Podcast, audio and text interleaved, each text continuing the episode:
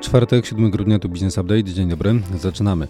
A u nas dziś m.in. stopy procentowe bez zmian. Murapol sprzeda w IPO akcje za ponad 400 milionów złotych. Prezes Łokik uznał, że Amazon stosował niezgodną z interesem konsumentów praktykę. Business Update. Zacznij dzień z przewagą. Podsumowanie rynków. Delikatne wzrosty na WIG20 to 0,4% i na WIG też prawie 0,4%. Najmocniej wśród blue chipów rósł kurs akcji PZU o ponad 2%. Notowanie ubezpieczyciela osiągnęły wczoraj historyczny szczyt notowania od początku roku, zyskały już 46%. Na szerokim rynku najmocniej zyskiwały notowania MCI, prawie 20%, to po tym, gdy GPW wznowiła notowania ASI.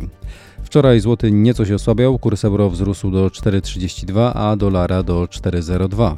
Bitcoin bez większych zmian, około 44 tysiące dolarów. Baryłka ropy WTI Grud taniała wczoraj o 4% do 69 dolarów.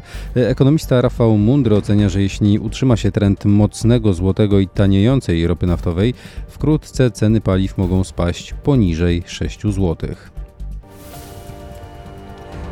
Gospodarka i makroekonomia. Rada Polityki Pieniężnej pozostawiła stopy procentowe NBP na niezmienionym poziomie. Główna stopa referencyjna wynosi 5,75%.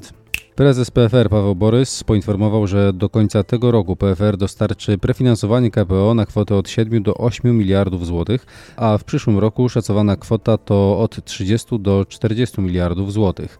Silny złoty negatywnie wpłynie na kondycję eksporterów, ale jest czynnikiem dezinflacyjnym. Sprzedaż detaliczna w Polsce w październiku wzrosła o 2,1% rok do roku, podał Eurostat, a sprzedaż detaliczna w strefie euro wzrosła o 1,1% miesiąc do miesiąca w październiku.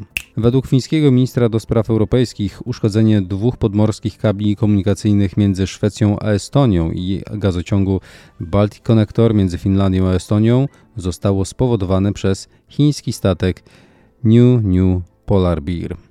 Prezydent Joe Biden powiedział, że być może zdecydowałby o byciu prezydentem tylko przez jedną kadencję, gdyby Donald Trump nie ubiegał się o ponowny wybór. Biden argumentuje, że Trump stanowi poważne zagrożenie dla amerykańskiej demokracji. Informacje biznesowe. Oto MotoPay, fintech będący pośrednikiem finansowania zakupu pojazdów, sprzedał w ciągu 11 miesięcy tego roku pożyczki na kwotę około 360 milionów złotych. Cel, jaki zakładała sobie spółka, to 300 milionów złotych w ciągu całego pierwszego roku działalności. Cała procedura udzielania finansowania odbywa się w pełni elektronicznie, a AutomotoPay współpracuje obecnie z ponad 20 instytucjami finansowymi. W związku z tym, że pożyczka jest na konkretny cel, jest ona tańsza dla konsumenta niż pożyczka gotówkowa. Dzięki konsorcjum sześciu czołowych polskich jednostek naukowych specjalizujących się w AI ma powstać polski model językowy na wzór ChatGPT. Ma on być darmowy dla użytkowników i uczony głównie na polskich treściach. Bioton i Biots chcą opatentować plastry z insuliną dla cukrzyków. Mają one zastąpić dotychczas stosowane do podawania insuliny rozwiązania. Nowy sposób podania ma wspomagać stabilność uwalniania i utrzymywania insuliny oraz być łatwiejszy w aplikacji. Jak opisuje Puls Biznesu, w okresie badań spółki chcą wspólnie finansować projekt, a jego komercyjne wykorzystanie planowane jest w 2027 roku. PGE Dystrybucja beneficjentem dofinansowania z Narodowego Funduszu Ochrony Środowiska. Spółka otrzymała ponad 40 milionów złotych dofinansowania do budowanych przez nią trzech magazynów energii o całkowitej mocy 7 MW. Całościowy koszt inwestycji to nie niemal 90 milionów złotych. Lamborghini wprowadza dla pracowników produkcyjnych czterodniowy tydzień pracy. Nie będzie się to wiązało ze zmianą nominalnego poziomu ich wynagrodzeń. Kapitalizacja rynkowa Apple właśnie przekroczyła 4 biliony dolarów. Fuzje i przejęcia, inwestycje i venture capital. Fintech Axfina przejął 100% udziałów w e-kancelarii, spółce świadczącej usługi w zakresie windykacji. Celem fintechu jest rozwój usługi windykacji w regionie CEE, dlatego Axfina przejęła wcześniej raport, który również działa na rynku windykacyjnym oraz węgierską firmę Lombard Leasing. Group. Jak podaje Puls Biznesu, Axfina planuje kolejne przejęcia oraz zamierza sprowadzić do Polski inwestorów zainteresowanych portfelami wierzytelności. Ostateczna cena IPO Murapolu została ustalona na 33 zł za akcję, łączna liczba oferowanych akcji to ponad 12 milionów i 200 tysięcy. Oferowane akcje stanowią 30% kapitału zakładowego spółki. Przewidywana wartość całego IPO ponad 400 milionów złotych, co oznacza kapitalizację Murapolu na poziomie miliarda, około miliarda 300 milionów złotych. Akcje pojawią się w obrocie 15 grudnia. Polski dostawca usług chmurowych Cloudflare uzyskał zgodę Komisji Europejskiej na pozyskanie około 22 milionów euro pomocy publicznej. Spółka jako jedna z 19 w Europie uzyska pomoc, która pomoże sfinansować projekt Gateway, e, który pozwoli ośrodkom naukowym i komercyjnym wykorzystać dane satelitarne z obserwacji Ziemi oraz przetwarzać je w sposób zrównoważony dzięki wykorzystaniu centrów danych zasilanych OZE. Prawo i podatki. KNF nałożyła na Rockbridge Towarzystwo Funduszy Inwestycyjnych karę w wysokości 600 tysięcy złotych. Kara dotyczy naruszenia przez Rockbridge Fundusz Inwestycyjny Otwarty Parasolowy zarządzany przez towarzystwo postanowienia prospektu informacyjnego tego funduszu. Naruszenie dotyczyły Rockbridge Subfunduszu Lokata Plus, obecnie Rockbridge Subfundusz Obligacji Krótkoterminowych i miały miejsce od 24 czerwca do 8 listopada 2022.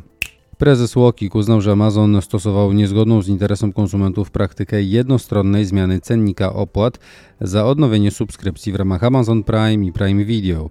Urząd stwierdził, że stosowanie innych cen niż poprzednio uzgodnionych każdorazowo wymaga zgody konsumenta. Ponadto stwierdził, że niedopuszczalne jest automatyczne pobieranie jednostronnie zmienionych opłat z podjętych kart debetowych czy kredytowych konsumentów. Ministerstwo Rolnictwa rozpoczęło konsultacje społeczne projektu ustawy, według której nazwy szynka, wędlina czy kiełbasa będą mogły być stosowane wyłącznie dla produktów pochodzenia zwierzęcego. Zgodnie z projektem roślinne kiełbasy, np. kabanosy wegetariańskie, będą mogły być wprowadzane do obrotu do dnia 30 czerwca 2026 lub do wyczerpania zapasów. Eksperci rynku roślinnego alarmują, że taka zmiana zablokuje rozwój innowacji w branży spożywczej. Koszt spotkania wigilijnego w części przypadającej na udział osób współpracujących z, prze z przedsiębiorcą na podstawie kontraktu B2B nie podlega odliczeniu od przychodu w ramach kosztów działalności. Jak opisuje dziennik Gazeta Prawna, wydatki takie są uznawane za reprezentację. Jedynie w części dotyczącej pracowników i ich rodzin fiskus uznaje, że stanowią uzasadnione koszty podlegające odliczeniu. TSUE orzekł, że wprowadzone przez państwa członkowskie zakazy i ograniczenia podróżowania związane z pandemią COVID-19, a także obowiązki poddania się izolacji były zgodne z prawem unijnym. Zastrzegł, że o legalności tych środków można mówić wyłącznie wówczas, gdy obowiązki i ograniczenia nie przekraczały granic rzeczowej potrzeby, były proporcjonalne, niedyskryminacyjne oraz przysługiwał od ich zastosowania środek zaskarżenia. Dane i badania rynkowe. Niemal o 180% rok do roku do ponad 23 miliardów złotych wzrósł wynik netto polskiego sektora bankowego w okresie styczeń-październik, wynika z danych Bankowego Funduszu Gwarancyjnego. O ponad 255% rok do roku wzrosła wartość zapytań o kredyty mieszkaniowe w listopadzie, poinformował w środę BIK. W raportowanym okresie o kredyt hipoteczny wnioskowało prawie 40 tysięcy osób. O 6,5 miliarda złotych do ponad 80 miliardów złotych wzrosła na koniec września wartość przeterminowanych zobowiązań Polaków. Tak wynika z raportu Infodług.